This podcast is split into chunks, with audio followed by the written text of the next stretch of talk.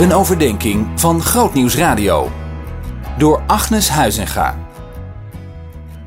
We kijken naar kenmerken van Jezus die ook voor jou en mij typerend kunnen zijn. En een daarvan is echte dienstbaarheid. Marcus 10, vers 45 zegt: Want ook de mensenzoon is niet gekomen om zich te laten dienen, maar om zelf te dienen. Nou, de eerste eeuw, dit was niet anders dan nu, vol met positiezoekers. Caesars en Herodesen. Mensen die als doel hebben om hun positie in te zetten voor hun persoonlijk voordeel.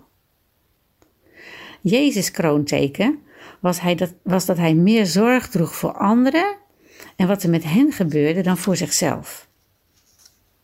En dat geldt ook voor ons.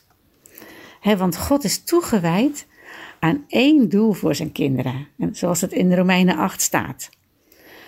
Want God kende zijn volk van tevoren en van tevoren had God al de bedoeling dat we op zijn zoon zouden gaan lijken.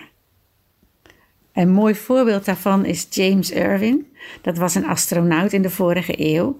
En toen hij terugkwam na een succesvolle reis naar de maan, zei hij: Ik weet dat mensen mij een beroemdheid vinden, maar dat ben ik niet.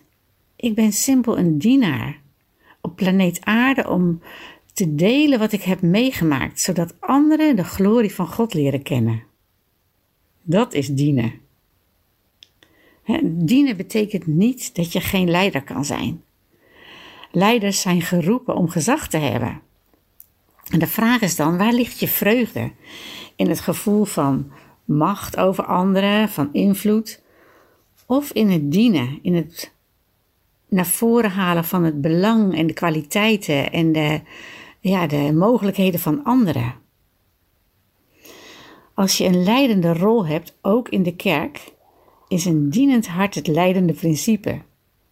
Zonder dat is de gemeente van Jezus niet anders dan de wereld.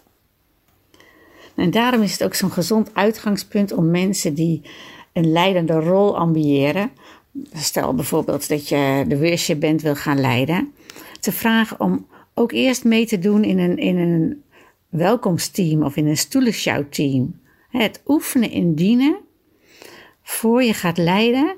En uh, ook om, het, om jezelf te blijven testen in of je bereid bent om de gewone klusjes te doen. Het is zo nodig om je hart elke keer te testen. Nou, een geweldig voorbeeld van een dienend leider is natuurlijk Mozes. Die bescheiden was en een groot leider en heel intiem met God omging. Hij diende de Heere die hem autoriteit gaf. Nou, hoe anders zou de kerk zijn als we allemaal zouden beseffen dat grootheid niet zit in, in het krijgen, maar in het geven.